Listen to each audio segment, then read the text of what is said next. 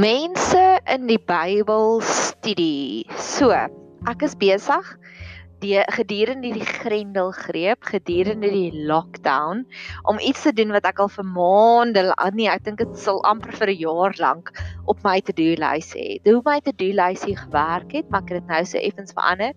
Is ek het seker vir 2 jaar lank elke eerste dag van die week wat ek kon spandeer het aan bediening, aan ministry, het ek vir my paar van my naaste en my my geliefde vriendinne het ek gebedsversoeke deurgestuur. So dan aan die begin van die week sal ek sit en ek sal beplan, okay, hierdie week wil ek psalms opswat, hierdie week wil ek dit doen, hierdie week wil ek dat doen, ek wil vir dit bid.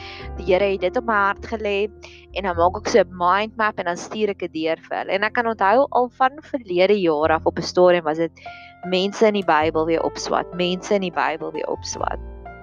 En ek het gister het ek deur die mooiste virtual TED Talk gekyk van Elizabeth Gilbert waar sy ook daar gepraat het dat tydens die lockdown of tydens die grendelgreep was daar 'n klomp mense wat gedink het, "Jy, nou het ek baie tyd, so nou kan ek 'n nuwe taal leer, nou kan ek dit leer." En toe gebeur die lockdown en toe's al jou energie soos 'n stofsuier so uit jou uitgesuig en ek het dit nogals regtig waar ervaar. So dit was my lekker toe sy daarvan praat.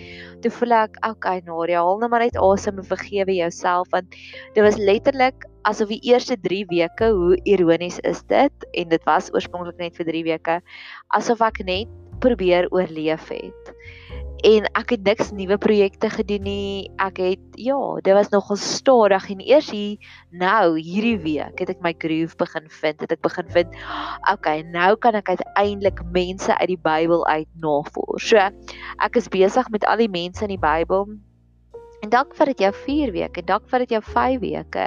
So vergewe jouself as jy nie by alles uitkom wat jy gedink het jy het nou ewe skielik tyd nie, want so gereeld sê ons ek wens ek kon dit doen, maar ek het nie tyd nie. Nou ewe skielik is dit al wat ons het, 'n oorvloed van tyd, maar ons het ook nie daai energie nie. En dis dis een van my gunsteling Bybelversies, is die seën van die Here maak ryk. En met ander woorde, jy kan so hard werk soos jy wil en jy kan plannetjies maak, maar as die Here nie besluit om jou te seën nie, gaan jy nie ryk word nie. En dit is maar op nog 'n vlakkie waar is jy kan al die lang to-do lysies hê, maar as die Here nie vir jou daai entoesiasme gee nie, gaan jy nie by uitkom nie. So ek loof en ek prys en ek dank die Here daarvoor dat hy vir my hier energie gegee het sodat ek regtig waar hierdie tyd kan gebruik. En dan het ek twee ander kant notas van dinge wat nou in my lewe gebeur en ek wil dit graag net onder jou aandag bring. En die eerste ding wat wat ek ek en my een vriendin is besig met hierdie intense filosofiese gesprek oor lewe, oor Zoe lewe. Jesus sê in Johannes 10 vers 10, hy het gekom sodat ons lewe in oorvloed kan kry. Nou as jy gaan kyk, daardie lewe in Grieks is Zoe liefde. So in die in die Nuwe Testament, in die Nuwe Testament is geskryf in Grieks, is daar drie verskillende lewens waarvan gepraat word. Die eerste een is biology, wat klink soos biology en dis is letterlik net jou longe werk, jou hart werk, alles werk, nê? Nee? En dan die tweede een is psyche. So dis waar jou sielkundig vandaan kom. So met ander woorde jou longe werk en dan jou sielkunde werk, jou saadjie werk. So jy's op 'n goeie emosionele punt. Maar dan staan 'n derde tipe van lewe en dis die lewe wat Jesus die hele tyd gebruik het. Dis Zoe tipe van lewe. So dis meer as jou longe en jou hart wat werk. Dis meer van jy's op die emosionele happy place. Daar's nog 'n tipe van lewe. Daar's 'n tipe van floreer lewe. Daar's 'n Zoe lewe. Daar's 'n lewe wat beteken jy's opgewonde oor die dag. Jy produseer dinge. En ek en my een vriendin vanoggend toe stuur ek vir haar boodskap. Toe sê ek vir haar, "Mm. Ek en jy praat nou vir vir weke lank oor wat beteken lewe en om lewe te hê. Vanoggend dink ek, ek dink daardie lewe wat Jesus vir ons beloof, is daai lewe van jy weet Maslow se hiërargie. Die heel onderste vlakkie is um kos en slaapplek. So as jy weet jy het vanaand kos om te eet en jy het 'n slaapplek, dan eers skuif jy op na die tweede vlakkie. En dan daai tweede vlakkie is sekuriteit. So dis finansiële sekuriteit. Dit is um uh verhoudingssekuriteit, dis werksekuriteit. So as jy veilig voel oral, dan eers skuif jy op na die volgende een toe. En dan daai volgende vlakkie is liefde en omgee. So eers wanneer daai twee vlakkies vol is, wanneer daai twee liefde wanneer daai twee tentjies vol is, eers dan gaan jy begin na liefde soek. En dis baie keer wanneer jy liefde indeponeer in iemand in maar hulle gee dit nie vir jou terug nie, glo ek dat daar 'n leemte op daai eerste twee vlakkies. So dan as jy liefde in jou omgee en jy weet daar's mense wat vir jou omgee en jy weet jy's geliefd, eers as daai liefdestentjie vol is, dan gaan jy oor na die volgende vlak. Toe die volgende vlak is waar jy jouself begin leer ken, waar jou identiteit begin bevestig. En dan as jy weet wie jy is, dan eers gaan jy oor na die laaste stapie. Toe die laaste stapie is leave a legacy. Dis dan wanneer jy begin uitdeel na mense toe want jou jou tentjie is so vol, dit loop oor en jy wil net uitdeel vir ander mense. En wat ek toe nou vanoggend vir my vriendin sê, dis ek vir dink jy nie dis wat lewe beteken wat Jesus vir ons aanbied. Nee, jy's elke dag op daai heel boonste vlakkie van Maslow se hiërargie. Al jou ander tentjies is vol want jy het gaan tyd spandeer by hom. En dit maak dat jy net wil uitdeel wanneer jy wil gaan evangeliseer, wanneer jy die hele wêreld wil vertel van hoe awesome hy is. So dis my gebed vir my en vir jou. Mag die Here vir my en jou elke dag op daai vyfde vlakkie, op daai heel boonste vlakkie van Maslow se hiërargie plaas. Laat ons werklik waar ons liggie kan laat skyn, want dis wat Jesus gesê het, laat jou lig skyn. En jou lig skyn beteken jy gee uit, jy deel uit, jy's meer betrokke oor ander, jy's meer besorgd oor ander mense se welbehae, want joune is al reeds vol. So ja. In hierdie een het ek gekyk hoe lyk ons tyd.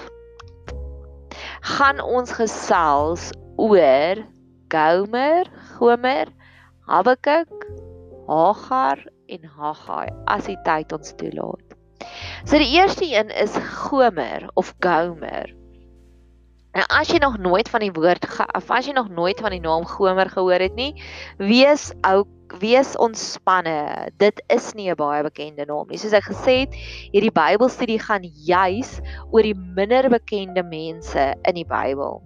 Ek wil net so kantnota vertel. Ek het vir myself sulke doelwitte opgestel soos ek nou net van gepraat het, van dit is wat ek elke dag wil doen en elke dag wil ek die potgoeis ook maak, maar die potgoeis gaan baie meer vir my oor ek wil dit uitspreek oor my lewe. Maar ek weet ook as ek dit doen en ek weet ek gaan dit op internet vrystel, dan dan's ek baie meer gefokus dis net dis vir my my eie selfdissipline. Maar gisteroggend het ek 'n hele of gister hierdie dag het ek 'n hele paar gemaak, maar ek werk met 'n mikrofoon en ek het per ongeluk my mikrofoon in die verkeerde jack input ingesit.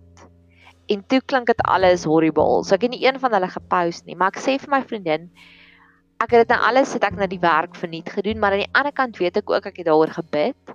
Ek het dit uitgespreek oor my lewe en ek sê vir in hierdie vrede wat ek het. Gewoonlik sal ek voel soos daar's 'n toneel uit Anne with an E waar sy skryf met 'n pen en dan maak sy 'n fout en dan weet sy dis haar laaste papier en as jy nog die Anne with an E gekyk het nie gerus gaan kyk dit gerus. Dis 'n baie goeie feel good series. Ek dink dit is op Netflix. Dis regtig, dit laat jou net soos, "Ag, oh, ons kan enigiets bereik, né?" Nee? Maar ek sê vir my vriendin, gewoonlik voel ek so as daar iets verkeerd gaan met 'n pot gooi op 'n video wat ek gemaak het. Maar ek kan nie vir jou sê nie, gister het ek daai vrede gehad wat alle verstand te bowe gaan. And it felt good. Dit was so lekker om te besef iets het nie uitgewerk soos ek beplan het nie en gewoonlik sou ek upset gewees het daaroor. En dalk was dit een van my lessies wat ek moes geleer het gedurende hierdie grendelgreep. Die mens wik, maar God beskik. En dit was een van daai dinge van ek het dit beplan en dit het, het nie so uitgewerk nie en ek het hierdie vrede gehad. So dis my nuwe barometer. Dis wat baie keer gebeur in psalms. As jy sal sien, in die psalms oor en oor en oor praat hulle van hoe het God die Israeliete gehelp deur die woestyn en hoe het hy hulle gehelp en hulle gevoed deur die wildernis. En ek glo die dieper lesie, die sielkundige lesie daar agter is om vir jouself nuwe bakens in plek te stel. So ek weet ook nou wanneer ek ooit weer deur 'n issue gaan in my lewe, wanneer ek ooit weer deur 'n teleurstelling gaan, gaan ek net sê Here, soos dit U my gehelp het oor daai dag toe ek die potgoeis verloor het en ek was so rustig daaroor en ek was so dis okay. Jy het klaar audience van een God. God het jou klaar gehoor. Dit maak nie saak nie. Dat ek daai vrede weer kan hê en enige ander teleurstelling wat in my lewe kan gebeur. Okay, so dis net so kantnota. So hierso amper 2/3 in die Bybel kry jy al die profete. So wat die profete gedoen het, die profete, jy kry groot bekende profete en dan die minder bekende profete. So die profete het God se stem gehoor en dan het hulle vir die nasie Israel gaan sê om te sê julle moet dit doen ek stel voor julle doen dit. Hulle was nie heeltemal vergelykbaar met die dominees van vandag se tyd nie, want daar was nog steeds priesters, daar was nog steeds mense wat in die godsdienstarena geopereer het en gefloreer het. Hierdie was mense, party van die profete was geleerde mense, maar ander van hulle was een wat 'n skaapwagter was, nê. Meeste van hulle was glad nie geleerd in hulle was nie priesters nie, hulle was nie dominees nie. Dit is so dit was gewone mense met wie God gepraat het en dan sê hy gaan sê vir my volk. Party van hulle is met oop arms aanvaar en die volk het hulle geloof en gesê ja, ons wil meer hê en die konings het hulle geloof soos Jesaja. Jesaja was een van die bekendes en hy was um almal het van hom gehou. Maar Jeremia, Jeremia was 'n paar keer wou hulle hom doodmaak, die koning of die priesters en hulle het hom een keer probeer doodmaak deur hom in 'n put te gooi. En um So ja, so dis wat die profete was. En dan kry jy vir Daniël en Jesegiel. Jesegiel is die mees bekende of die Jesegiel se se se hoogtepunt. Jesegiel se Mona Lisa of se Michelangelo se David was natuurlik Jesegiel se preek wat hy gegee het van praat met die droë bene en spreek lewe daarin. So net in daai selfde klasie van profete, van mense wat 'n woord van God gekry het en dan gesê het, was een met die naam van Hosea. En God het baie gehou of God hou nog steeds baie van 'n gorilla veter. 'n Gorilla veter is nie dit is 'n dit is nie net 'n klomp gepreekery nie, dis iets wat uitgebeeld word. Dis 'n sinnebeeld. Dis iets wat lewendig manifesteer in jou lewe. Een van my beste gorilla veters of nie beste nie, maar my vriendin het eendag vir my vertel en sy is ook in my oë 'n profeet wat sy gesê het sy het gestaan in die skottelgoed gewas en toe besef sy as hy daai skottelgoed eers laat lê in warm seepwater en sy gaan doen gou-gou iets anders en sy kom so 20 minute later terug en sy was dan nie skorrelgoed, dan is dit makliker om die skorrelgoed te was wanneer dit gesouk. En haar lesie was, hy sê net so moet ons onsself opsouk in God se teenwoordigheid. Ons moet Bybelstudie doen. Ons moet bid. Ons moet praise and worship lessies leer wat wanneer daar veiligheid in ons lewe is, as dit baie makliker vir God om dit uit te haal. En dis in my gorilla theater en is 'n baie waar lesie. So Sia was ook 'n gorilla theater. En wat Sia wat met Sia gebeur het en daar's 'n daar's 'n fliek daaroor. Ek wil gou-gou gaan kyk wat is die fliek se naam. Daar's meer as een fliek, maar daar was een wat baie baie mooi is, movie about Hosea. En Gomer. Nou Gomer was sy vrou. So gaan kyk asseblief vir die fliek dat ek gou-gou gaan kyk. Amazing Love, The Story of Hosea. Gaan kyk asseblief daardie film want hierdie film beeld dit baie mooi uit wat gebeur het in Hosea. Hosea was 'n goeie man, hy was 'n godsman. En God sê vir Hosea gaan trou met hierdie prostituut en haar naam was Gomer, Gomer. En is so as jy dit van Hosea se kant af vat en ons gaan later in die pot gooi, gaan ek praat oor Hosea, maar as jy kyk van van sy kant af is dit 'n tragiese storie en hy het baie hartseer gekry. Maar baie seer gekry, maar ek wil graag praat van hoe van Gomer se kant af. Gomer se kant is hierdie wow storie. En die sinnebeeld, die gorilla veter wat God vir sy volk wou geleer het deur hierdie Hosea Gomer storie. En dis my amper soos die die Bybelse se Pretty Woman. Onthou jy Richard Gere, hierdie nice gesogte bachelor wat verlief raak op die prostituut? Dis daai selfde storie. Um wat so amazing is is God sê vir Hosea trou met haar want ek wil vir julle wys, vir die Israeliete wys hoe lief het ek vir julle. Al is julle wat ook al, ek is die perfekte gentleman, maar ek sal jou najaag. Ek sal jou gaan soek. Ek sal jou beskerm. Geen nie om wat jy al gedoen het in die verlede nie. Ek meen, is dit nie net die mooiste gorilla theater nie? En daar's twee dinge van Gomer. Is Gomer is dit die prostituut en Usia, hierdie gesogte gentleman trou haar en hy versorg haar en hy gee vir haar hoër plek in die in die samelewing. So dis die eerste punt, maar later aan verneek sy hom en sy eindig op as 'n slaaf iewers, nê? Nee? En Usia gaan nog steeds en hy gaan koop haar los, hy betaal vir haar en hy sê nog steeds vir haar ek is lief vir jou. En dis wat baie keer gebeur met ons as Christene. Ons dink, okay, God het ons nou kom haal en ons is nou fine. En dan op 'n stadium is daar altyd 'n moontlikheid dat ons die Gomer geval kan hê dat ons verder af kan wees want sy was net 'n prostituut toe hy met haar getrou het maar later aan was sy 'n prostituut en toe sy sommer net 'n slaaf geword en sy was slegter af na dit as voor dit en nog steeds het God gekom. So dalk is dit jou bekeringsverhaal. Ek weet nie wat jou storie nie. En dalk het jy toe God jou kom roep het was jy op hierdie pad en nou is jy actually op 'n erger pad maar God sal nog steeds die die Hosea wees in jou verhaal. En Hosea klink baie soos Joshua en Joshua klink baie soos Yeshua wat Jesus se naam is. En Hosea, Joshua en Yeshua beteken al drie sy weer. Ek meen hoe mooi is hierdie storie. So asseblief, doen jouself 'n guns gaan kyk die fliek Amazing Love, The Story of Hosea en weet net al voel jy soos 'n gomer wat jy voel ek het nou al soveel foute gemaak die Here kan en wil jou nog steeds vergewe. So ja en dan die volgende verhaal het ons gaan gekyk hoe lyk ons tyd. Die volgende verhaal is die verhaal van Habakuk. Ja almal van meeste van hulle is alles oor die kleiner profete. Nou Habakuk was ook een van die kleiner profete en ek wil graag wil ek vir jou die storie vertel van ek wil dit graag oor my en oor jou lewe uitspreek. Habakuk vertel hierdie fantastiese storie en hy sluit af met die gebed en ek wil dit uitspreek oor my en oor jou lewe. Habakuk 3 vers 17. Al alhoewel die vyeboom nie sal bloei nie en aan die wingerdstokke geen vrug sal wees nie. Die drag van die olyfboom sal teleurstel en die saailande geen voedsel oplewe nie. Die kleinvee uit die kraal verdwyn en geen beeste in die stalle wees nie. Nogtans sal ek jubel in die Here. Ek sal juig in die God van my heil mag ons daagliks besef enige situasie waarin ons is kan 'n Habakuk 3 vers 16 en 17 verhaal wees. Daar kan daar 'n nogtans oomblik wees. Ek het tydens die grendelgreep het ek besef dat nie een van ons is werklik gelukkig nie. Ek het altyd gedog ek is relatief gelukkig, maar nou dat my sosiale lewe ewe skielik weggevat is, besef ek maar ek is nie gelukkig nie.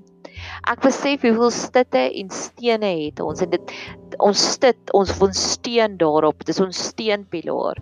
En dis iets wat ek werklik waar met my hele hart voor God se voete gaan neerlê om te sê Here, ek besef ek is nie gelukkig nie want daar is nie meer klein klein vere in die krale nie daar is nie meer wingerdstokke nie daar is nie meer 'n partytjie vir my om na uit te sien nie daar is nie meer 'n 'n DMW ons het 'n DMW donderdagmiddag wyn wat ons elke donderdagmiddag doen daar is nie meer so iets om na uit te sien nie en ek sê en ewe skielik voel ek depressief En dalk is dit wat jy ook nou besef het. Een van my vriendinne wat ek ook gedink het met 'n relatiewe stabiele mens is, se seun het besluit om eerder by sy meisie te gaan bly en dit het haar gegooi. En toe besef ek mos almal is eintlik nie gelukkig nie want as ons gelukkig was sou ons die lockdown gevat het in ons straat. En ek sê dit nie oordelend nie glad nie. Ek sê dit net om te sien ek het besef hoeveel ruimte vir blydskap is daar nog in my lewe. So mag die Here vir my en jou daardie daagliks daardie inspuiting van nogtans energie gee. Nogtans sal ek in die Here bly wees Die volgende een waaroor ek wil soos dit gesels oor Gomer wat wat wys hoe lief is God vir ons gee nie om waar jy is nie hy sê jy kom soek. Die tweede een waaroor ons gesels wat Habakuk en Habakuk se baie mooi belofte van vers Habakuk 3 vers 17 en 18 en dan die volgende een waaroor ek wil gesels is Hagar. So Hagar het jy waarskynlik al van tevore gehoor. Hagar was Sara se slaaf gewees en Hagar Sara het vir Hagar gegee vir Abraham om te sê slaap saam met haar. Sy was 'n surrogaat, soos 'n surrogaat mamma vir Sara gewees en toe kry hulle vir Ismael. Maar daar was op 'n stadium waar daar baie konflik was tussen Ish ag tussen Sara en Hagar. En op 'n stadium stuur Sara weg en sê vir haar: "Gaan net weg, gaan terug na Egipte toe waar jy vandaan kom want ek en jy kom duidelik nie goed oor die weg nie." En daar's hierdie oomblik waar Hagar in die woestyn lê en sy besef sy gaan nou doodgaan. Nie net sy alleen nie, maar sy en haar seun en sy sit haar seun 'n entjie van haar af en sy gaan stap so entjie weg en sy besluit daar gaan sy nou doodgaan want sy wil nie sy wil nie deur daai trauma gaan om te sien hoe sterf haar seun van hongerte nie. Of van dehydrasie nie. En sy gaan lê daar in die woestyn en God verskyn aan haar. En die eerste woorde wat God vir haar sê is ek is alrooi. Ek is die God wat jou raak sien. En ek weet nie wat se jou omstandighede en dalk luister jy na hierdie pot gooi na die grendelgreep, na die lockdown. Maar mag ek en mag jy daagliks so 'n oomblik kry van alrooi. God is die God wat ons hartseer raak sien.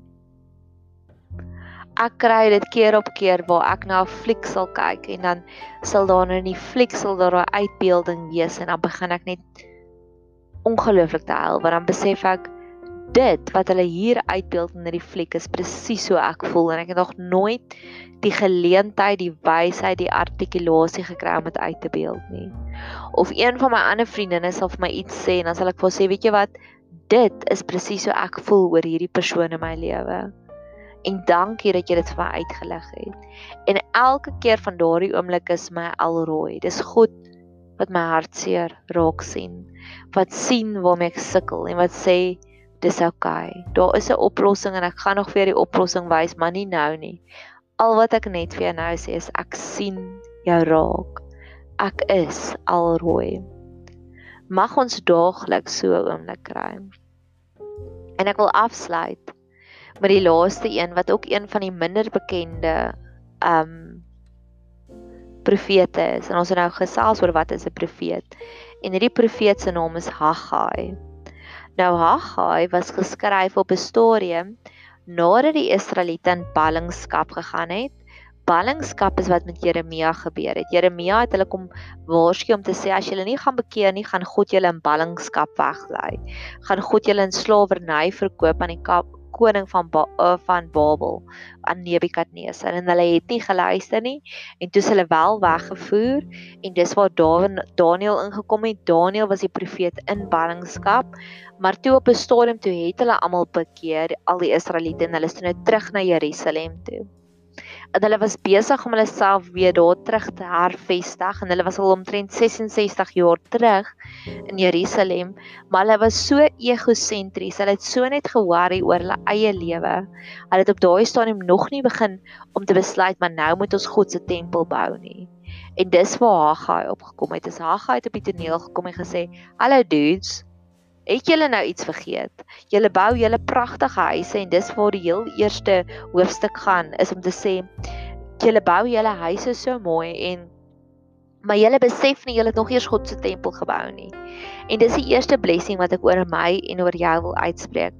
Haggai 1 vers 5. So sê die Here van die leerskare dan nou: Gee ag op wat julle wedervaar het. Met ander woorde, God gee vir hulle 'n nuwe perspektief. Een van my gunsteling films is Ghosts of Girlfriend Past waar hierdie oues hierdie absolute player en hierdie hierdie hierdie spook kom na hom toe in die middel van die aand en hy vat hom op hierdie reis om te sê kyk hoe lelik was jy met daai een. Kyk hoe lelik was jy met daai een. Kyk hoe lelik was jy met daai een. En dan gee hy gee die spook vir hom 'n geleentheid om sy lewe reg te ruk om hom te om te bekeer. En dan bekeer hy homself en dan dan kry hy they lived happily ever after oomblik So my seëning vir my en vir jou is indien daar 'n plek is waar ek en jy 'n nuwe perspektief nodig het, mag die Here dit vir ons kom wys op sy sagte, gentle manier. En dalk is daar iemand wat jou tans indoen en mag die Here vir hulle ook 'n nuwe perspektief gee sodat hulle besef maar dis hoe hulle jou indoen of dis waar hulle stil swye jou eintlik seermaak. So dis my eerste blessing. Dan die tweede blessing wat ek wil uitspreek oor Haggai uit Haggai uit is Haggai 2 vers 9. Ek en my vriendinne speel baie keer hierdie speletjie en ek weet dit is verkeerd. Ons speel die speletjie van die goeie ou dae. Nou in die grendelgreep. speel ons die speletjie vir die goeie ou dae toe ons nog vol sosiale lewens gehad het. En soos jy kan aflei, ek is 'n sosiale vlinder. Um so sosiale lewe is vir my 'n baie belangrike ding en baie keer nou sal ons sê, "Ag, oh, onthou julle die goeie ou dae." Maar voor die grendelgreep sal ons ook baie keer die, die stories, die speletjies speel van, oh, "Onthou julle die goeie ou dae." Dis ook een van my studies wat ek graag wil doen is oor hoe het ons as 'n Afrikaner volk verarm in die afgelope paar jaar. En ek kan onthou 10 jaar terug hoeveel meer welvaart het ons almal gehad. Ek en ek vertel die stories. Ek kan onthou ek het een keer teen nogal se effense erge breakup gegaan en ek het die aand by die huis gekom en ek het vir my vriendin vertel ek was in my 20's. So sê ek vir weet jy wat my hart is regtig seer. Ek het die Kaap nou nodig. En ek kan onthou ons het op die internet gespring. Ons het vliegtuigkaartjies geboek Kaap toe. Ons het by 'n vriendin van haar gaan bly wat 'n huis het in die Kaap. So ons het nie akkommodasie betaal nie, maar dit was so maklik.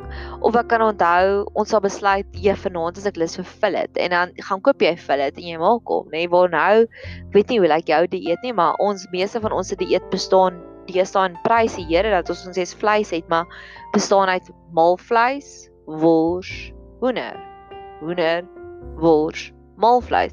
Wat bestaan en was dit soos skaap, skaap, ehm um, choppies op 'n Woensdag aand en so aan hè. En ek weet dis verkeerd want ons moenie soos lotse vrou terugdraai nie. So nou wil ek ook hierdie hierdie skrifgedeelte oor my en oor jou uitspreek en jy's nou in Grendelgreep. Want nie een van ons weet wat gaan die wêreld, hoe gaan die wêreld lyk van hier af vorentoe nie. Ah, Haggai 2 vers 9. Die toekomstige heerlikheid van hierdie huis sal groter wees as die vroeëre. Met ander woorde wat die Here hierso sê, dit wat voor jou lê sal soveel beter wees as dit wat jy gehad het. So ek gee beide van hierdie in the good old days in die goeie ou dae. Onthou jy nog gee ek beide vir die Here. Eerste van alles die dae toe ons nog 'n Kaap tripie oornag kon bespreek het. Die goeie ou dae toe ons nog kom besluit het vanaand sit lus 'n fillet en jy gaan koop die fillet. Onthou jy daai swart reeks wat wat Pick n Pay gehad het? Pick n Pay het so 'n reeks gehad van fine cuisine, nê? Nee, dan was dit swart. Die boksies was so swart en hulle die, die fancyste goed gehad. En ek kan onthou as jy lus was daarvoor en jy het gekoop. Dit was soos wow, né? Nee? So ek gee beide van hierdie instansies net so vir die Here om te sê asseblief maak dit 'n Haggai oomblik van die toekomstige goed gaan beter wees as dit wat ons in die verlede gehad het. En nou wil ek afsluit ek nog 3 minute, 2 en 'n halwe minuut. Hierdie skrifgedeelte soek ek seker nou al vir 'n jaar lank. Wat ek al vir klomp mense gevra het, daar's iewers in die profete, daar 'n stukkie wat sê van hier af sal ek seën, sê die Here. En dit is so amazing. Ek het dit ver oggend geherontdek. In Haggai staan dit. En dit is so mooi stukkie wat om te sê tot en met hierdie punt sê die Here was jy nie geseënd nie. Van hierdie punt af vorentoe gaan jy geseënd wees. Haggai 2 vers 19. Is daar nog saad in die skuur? Ja. Selfs die wingerdstok en die vyeboom en die granaatboom en die olyfboom het niks opgelewer nie van hierdie dag af sal ek seën. Amen. Mag dit ons belofte wees. Mag jy 'n super geseënde dag hê verder.